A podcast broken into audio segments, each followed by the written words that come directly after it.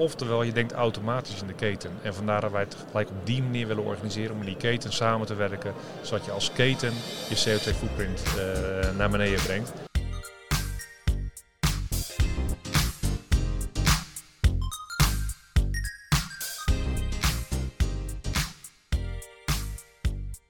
Welkom bij de Jara Podcast.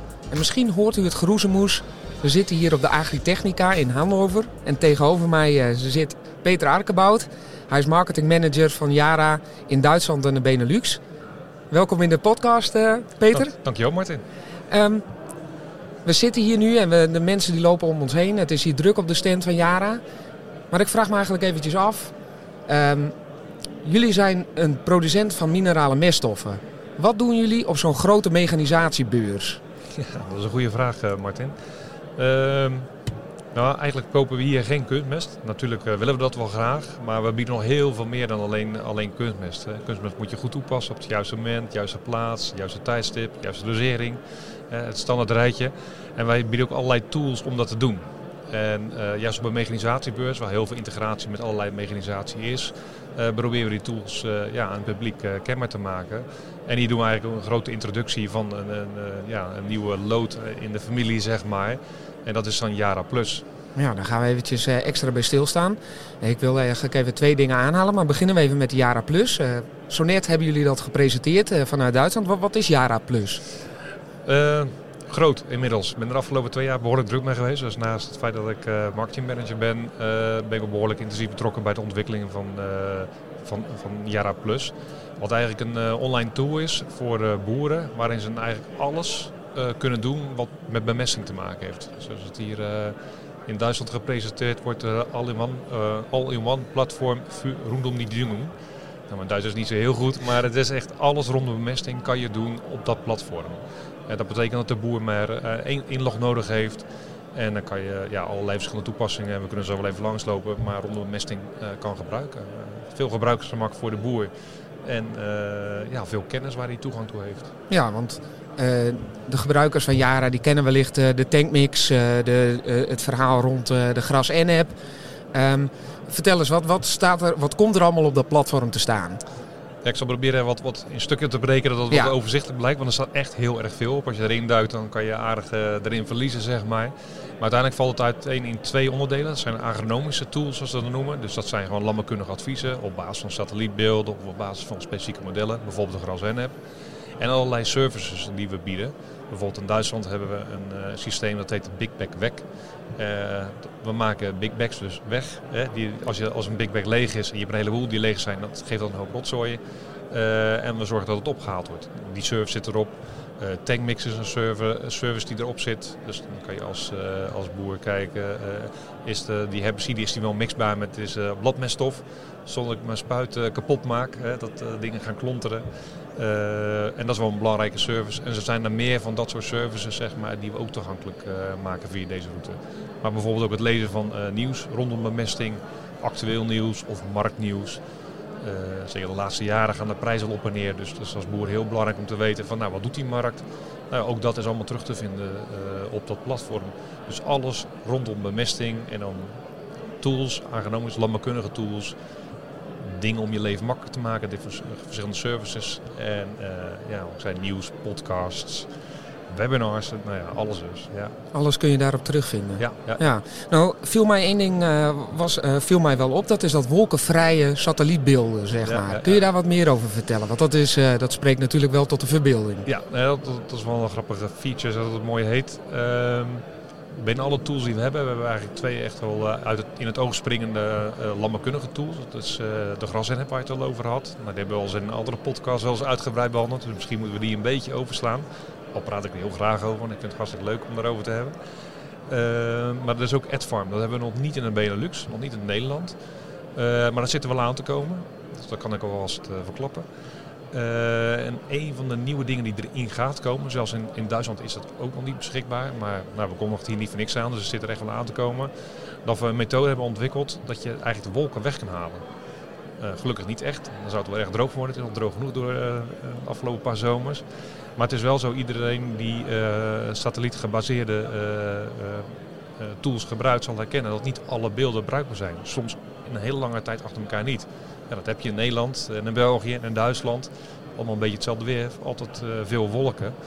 Dus ja, dat maakt die satelliettoepassingen soms lastig om, daar goede beslissingen mee te nemen. het kan wel, maar het lukt net niet. En nu hebben we een tool waarmee we die die uh, wolkendagen, zeg maar, dat je de beelden eigenlijk niet kan gebruiken, je ze wel kan gebruiken. Dus een bepaalde berekening wordt erop losgelaten, waardoor uiteindelijk je plaatje wel degelijk goed kan gebruiken. En dan kan je een tijdspanne uh, van 21 dagen mee overbruggen. Dus eigenlijk als je een goed plaatje vooraf hebt, of twee of drie goede plaatjes vooraf, dan kan je 21 dagen, drie weken verder, kan je eigenlijk nog de beelden gebruiken. Nou, dat is ook altijd wel meer dan genoeg, ook bij ons in ons land zeg maar, om om dat tool gewoon goed te kunnen gebruiken. En uh, in dit geval gaat het om AdFarm, om het maken van uh, plaatsspecifieke bemesting, zodat je taakkaarten kan maken. Nou, dan, dan baseer je een taakkaart niet op iets van een paar dagen geleden of van een weken geleden. Nee, dan baseer je een taakkaart op iets van vandaag of van gisteren. Nou, dan kan je tenminste accuraat werken. Nou dacht ik dat de toekomst misschien wel zat in die drones. Maar dit is eigenlijk uh, misschien nog wel veel beter. Nou, de drones kunnen onder wolken doorvliegen, dat zou een oplossing geweest zijn. Maar in principe is dit makkelijker, ja. Ja, ja het is wel een leuke tool, zo'n drone. Maar, uh, het is leuk om mee te spelen. Ja. En als het waait, is het stuk lastig om daarmee om te gaan. En, en dat, dat, zal, dat zal ook zeker zijn toepassing hebben. Maar voor het argument, die satellietbeelden kunnen niet gebruiken, vanwege het argument wolken, ja, die halen we letterlijk en figuurlijk weg. Ja. Nou had ik begrepen, dat is in, in het volgend jaar zal dit waarschijnlijk in Duitsland beschikbaar komen. Als het goed is, in het, uh, ja, met softwareontwikkeling is altijd afwachten. Uh, dat is wel frustrerend als je iets in de praktijk wil brengen en uh, de softwareontwikkeling laat ja, iets op zich wachten. Ja, je moet wel in het groeiseizoen gebruiken natuurlijk. Dus het lijkt erop dat we het begin van het jaar dat, van het groeiseizoen in ieder geval ter beschikking hebben. Overigens nog niet in Nederland, maar dat, nee. net, dat ziet er wel aan te komen. Ja. En als we dan even kijken naar dat Jara Plus, dus het grotere platform.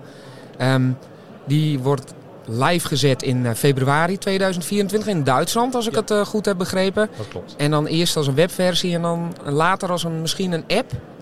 Ja, ja, er zit ook daar allerlei ontwikkeling in. We beginnen met een uh, webversie. Want uiteindelijk uh, ja, voor een leek, ook voor mij hoor, op het gebied van softwareontwikkeling, dan, dan is het allemaal hetzelfde. Maar dat ja. lijkt het niet te zijn. Uh, dus je kan blijkbaar één ding tegelijk daar ontwikkelen. en we zijn met dan de webversie begonnen. Hij werkt, ook, werkt overigens prima, ook op mobiele telefoon. Dat schaalt heel mooi mee. Okay. Dus het is alsof je gewoon een app gebruikt. Maar dan uh, kunnen ze later uh, met dat, de webversie als basis een native app maken, zoals dat, zoals dat heet. En dan vertalen ze dat naar echt een app voor op je telefoontje. Als je een mooi icoontje op je telefoon krijgt, dan uh, kan je het op die manier gebruiken. Voor de gebruiker op dit moment maakt het niet zo heel veel uit en het is gewoon nog steeds goed bruikbaar uh, op een desktop of op een mobiele telefoon. Nou denk ik dat heel veel luisteraars van de podcast nu denken van wanneer is dit dan in Nederland en in België beschikbaar? Kun je daar wat over zeggen? Uh, dat, dat is voor mij begint dat duidelijk te worden, ook nog steeds een vraagteken. ik zei net al, dat de softwareontwikkeling, dat ja, dat, we hebben meer wensen dan zij kunnen produceren en ja. kunnen maken. Maar het lijkt erop dat in de loop van het jaar dat dat ook in de Benelux ter beschikking komt. Dat betekent dat de echte landbouwkundige apps nog beperkt uh, kan gebruiken vanwege het feit, ja, je zit in het groeiseizoen al. Ja. Uh, de, de, andere de dingen die ik net uit heb gelegd, ja, die kan we gelijk gebruiken. Ik moet er wel bij zeggen, de, de apps die in Jara Plus zitten, uh, een aantal daarvan zijn al in Nederland ook bruikbaar, zoals Tankmix bijvoorbeeld. Ja. maar bijvoorbeeld ook de Gras N app, die is al prima bruikbaar. Dus 3.0 al toch? 3.0 ja, ook ja. daar ontwikkelen we door. Dat gaat gelukkig heel hard. Die is afgelopen jaar een stuk verbeterd moet ik zeggen. Dus uh, ja, daar roep ik ook iedereen voor op. Uh, nou ja, met name melkverhouders logischerwijs. Ik neem daar eens een kijkje, want dat is echt heel interessant om dat dus te gebruiken voor je bedrijf. Overigens ook gewoon gratis, dus je kan het gewoon uitproberen. Ja, dus we hoeven eigenlijk niet te wachten op dat platform. Dat is alleen die bundeling, zeg ja. maar. We kunnen nu al aan de slag met die applicaties. Klopt, klopt. Wat mij nu ook heel erg opviel, en sowieso valt mij dat op hier op de hele beurs, dat is die CO2-voetdruk, voetafdruk. Ja. Um, jullie staan hier ook mee uh, als Yara, als producent van minerale meststoffen, um, ook om die CO2-voetafdruk uh, van levensmiddelen terug te brengen. Kun je daar wat over vertellen? Wat, wat, wat houdt dat nou in? Ja. 90% van de CO2-uitstoot uh, nou ja, komt dan, uh, kun je reduceren in, in de productie van dat proces. Maar jullie willen eigenlijk de hele keten verbinden, hè? Ja, dat is eigenlijk de enige manier. Uh, ja, wil je er even wat over vertellen? Daar kan je wel een dag van een programma over, over, over, maken, denk ik. Um, waar zal ik beginnen? Uiteindelijk, als je kijkt naar waar komt CO2 vrij, uh, nou, dan weet iedereen al bij de productie op zich van kunstmest CO2 vrijkomt. Uh, en ook heel veel. dat, we zijn als jaren met grote regelmaat op het 8 uur journaal in het rijtje met Tatensteel en Dow. En nou, daar staan wij dan ook netjes in in dat rijtje als een van de grootste CO2-uitstoters. Dus daar, daar moeten we wel mee. Dat is overduidelijk. Daar zijn we al jaren al een tijdje van overtuigd. Ehm, dat, dat is nog niet zo eenvoudig. Hè. Dat zijn enorme, net zoals Sluiskeel in Nederland staat eh, een grote productielocatie. Denk een de grootste, of zo niet de grootste kunstweek uh, van uh, Europa. Ja, die apparaten, zeg maar, die, die fabriek bestaat uit verschillende fabriekjes. Dat, dat vraagt zoveel onderhoud, dat bouw je niet even om. Dus dat heeft tijd nodig. Uh, dus om te kijken naar nieuwe uh, toepassingen om, om die kummers te maken. Nou, die zijn er wel. Daar wordt ook al mee geproduceerd. En dat betekent namelijk uh, dat je eigenlijk gelijk waterstof uit, uit water vrijmaakt. Met behulp van elektriciteit. die wekken ze op op basis weer van, van waterstof. En die toevoegen van waterstof, dat is weer ingewikkeld. Hè, waar we een heel mooi gasnetwerk hebben in Nederland, zou er eigenlijk een waterstofnetwerk moeten komen. Ook daar wordt over gesproken, ook met, met de overheid. Nou ja, wordt al wel een ingewikkeld verhaal. Dus hier, het is nog niet zo makkelijk. Nee. Maar als dat wel er is, en op kleinere schaal gebeurt het dan wel, ook in, uh, in Noorwegen op dit moment, dan, dan produceer je dus uh, kunstmest zonder CO2-uitstoot. Dus nul, helemaal niks. In het hele productieproces aan zich, met aan- en afvoer van dingen, er komt altijd wel ergens wat CO2 vrij. Dus dan kunnen we een reductie reduceren van 90%. Maar het, het, proces aan zich is helemaal CO2-uitstootvrij.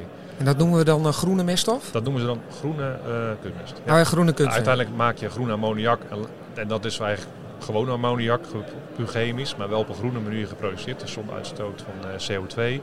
Nou, daar kunnen ze weer kassen maken of andere meststoffen.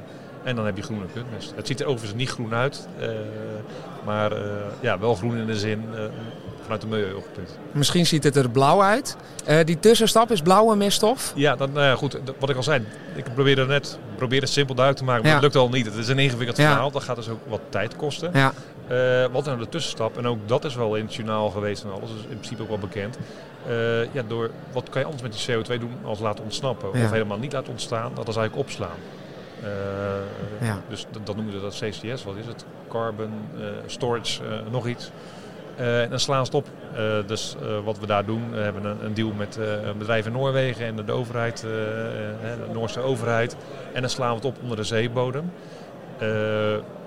totdat die groene stroom echt goed op gang komt, kan je dus kunstmest opslaan. Dan heb je ook al een reductie geloof ik, van 40, 50 procent zo'n mm. beetje. Dat is ook ten opzichte van de huidige situatie een hele forse stap.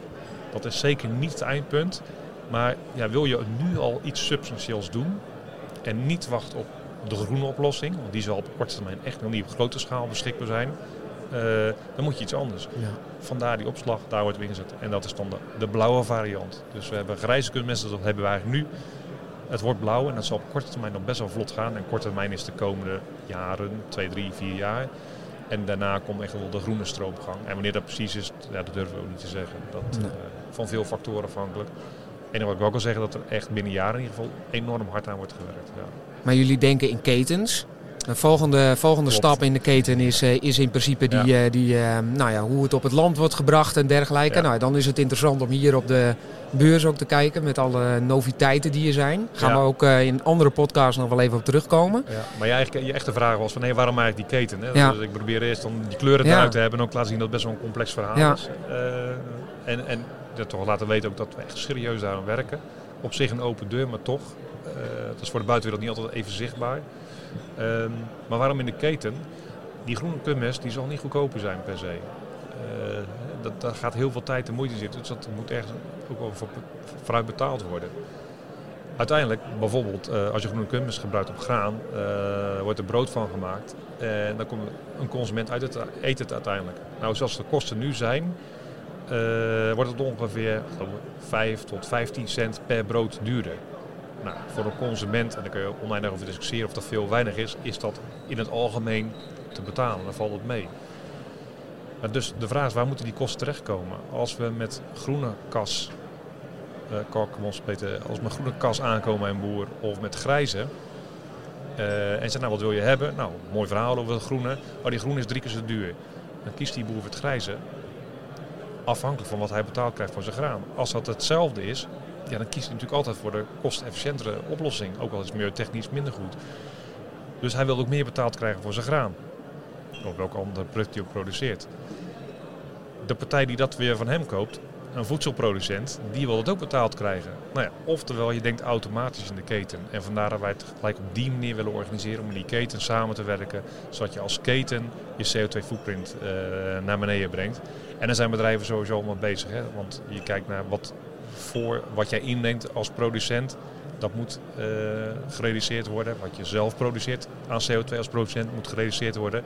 En ze kijken ook nog wat na hun bedrijf gebeurt of ze daar ook nog kunnen reduceren. Bijvoorbeeld transport. Dus dat is het scope 1, 2, 3 uh, verhaal. En uh, ja, zo boeren kunnen kijken wat is mijn input als een kunstmest. Maar dat geldt voor uh, bakkerijen of voor patatfabrieken, zeg maar. geldt het ook, wat kunnen zij in die keten voor hun doen? Nou, dat is met de boeren samenwerken, maar ook met een partij als ons, waar veel CO2 nu nog vrijkomt, om daarmee samen te werken en dan te komen tot een ja, CO2 uh, ja, vrije keten zal nooit helemaal lukken. Maar wel sterk gereduceerd tot op 90%. Ja, oké, maar dan zit het dus ook met name in die efficiënte werkwijze. Tenminste, als we naar de boeren zelf kijken. Uh, ja, ook, daar, dat, daar ook. Hè, want nu heb ik het alleen maar over de productie eigenlijk van de groene keurmes. Wat dus een enorme, door, door de blauwe variant, een enorme klap al is. Hè, dat je een ja. enorme winst al maakt. En mijn groen in principe tot bijna nul reduceert. Uh, maar er is nog meer. Ook nu al kan je als, als, uh, veehouder of als akkerbouwer ook heel veel doen. Want in de toepassing op het veld komt ook gewoon nog 30% uh, vrij. In de keten wat vrijkomt zijn we als, als, als teler zeg maar, voor 30% verantwoordelijk. Ja, door, ja, dat is het oude riedeltje al, het juiste moment, juiste plaats, juiste hoeveelheid uh, en juiste product te gebruiken kan je al heel veel uh, uh, aan emissie beperken. Nou, daar zijn onze tools weer van, van belang. Dus dan komt het Jaren Plus verhaal weer terug. Ja. Al die verschillende tools kan je weer gebruiken om, om ja, veel preciezer en ja, met veel meer uh, ondersteuning in je beslissing en daardoor ja, netter te kunnen werken. En dan die laatste stap is eigenlijk uh, nou ja, het levensmiddel zelf. Want we hebben het nu over de voorvrucht gehad en daar een efficiënte werkwijze. En daar zoeken jullie samenwerking op. Um, maar, eh, en kijken jullie ook naar de boeren, adviseren jullie daarin om te, te, te zien dat, dat dat zo uh, efficiënt mogelijk op het land komt. Laatste stap, misschien de kleinste, minste winst te behalen, maar wel uh, een belangrijke stap, dat is de laatste in het proces, de levensmiddelenproductie de bakkers. De... Ja, die zullen ook nog wat kunnen reduceren in het bakken van brood. Ja. Die oven zal warm moeten worden. Hoe ze dat precies doen, dat is aan hun. Uh, maar uh, ook, ook, daar zal wat winst te behalen zijn. Maar de grootste klap zit in een kunstmest. Ja. En dat is het product zelf dus uh, CO2 vrij maken of minimaliseren en in de teelt zelf ja. ook zo. zo maar in de ketengedachte past dat natuurlijk wel. Het moet in een keten, anders ga je het met elkaar niet nee. uh, redden. In Duitsland werken ze samen met uh, bakker Harry, geloof ik, Harry, toch? Harry Brood heet dat. Ik wist, ook, ik, ik wist, ook niet eerst dat het bestond, maar het is wel de grootste bakkerij van Duitsland. Ja. ja. dus, nou ja, en als je op die manier met dat soort partijen ook samenwerkt, dan maak je wel impact met elkaar. Ja. En als je het ja, uh, met heel het milieu-oogpunt in gedachten. En in 2050 wil ook Yara, en dat geldt voor hele andere grote bedrijven, CO2-vrij zijn ja, dan kan je niet met al te kleine stapjes werken. Dan moet het met echt impactvol gaan. Nou ja, je, je, je uh, kunstmest echt helemaal CO2-vrij maken en met dergelijke partijen samenwerken dat het gelijk op grote schaal gaat. Ja, dan maak je impact met elkaar.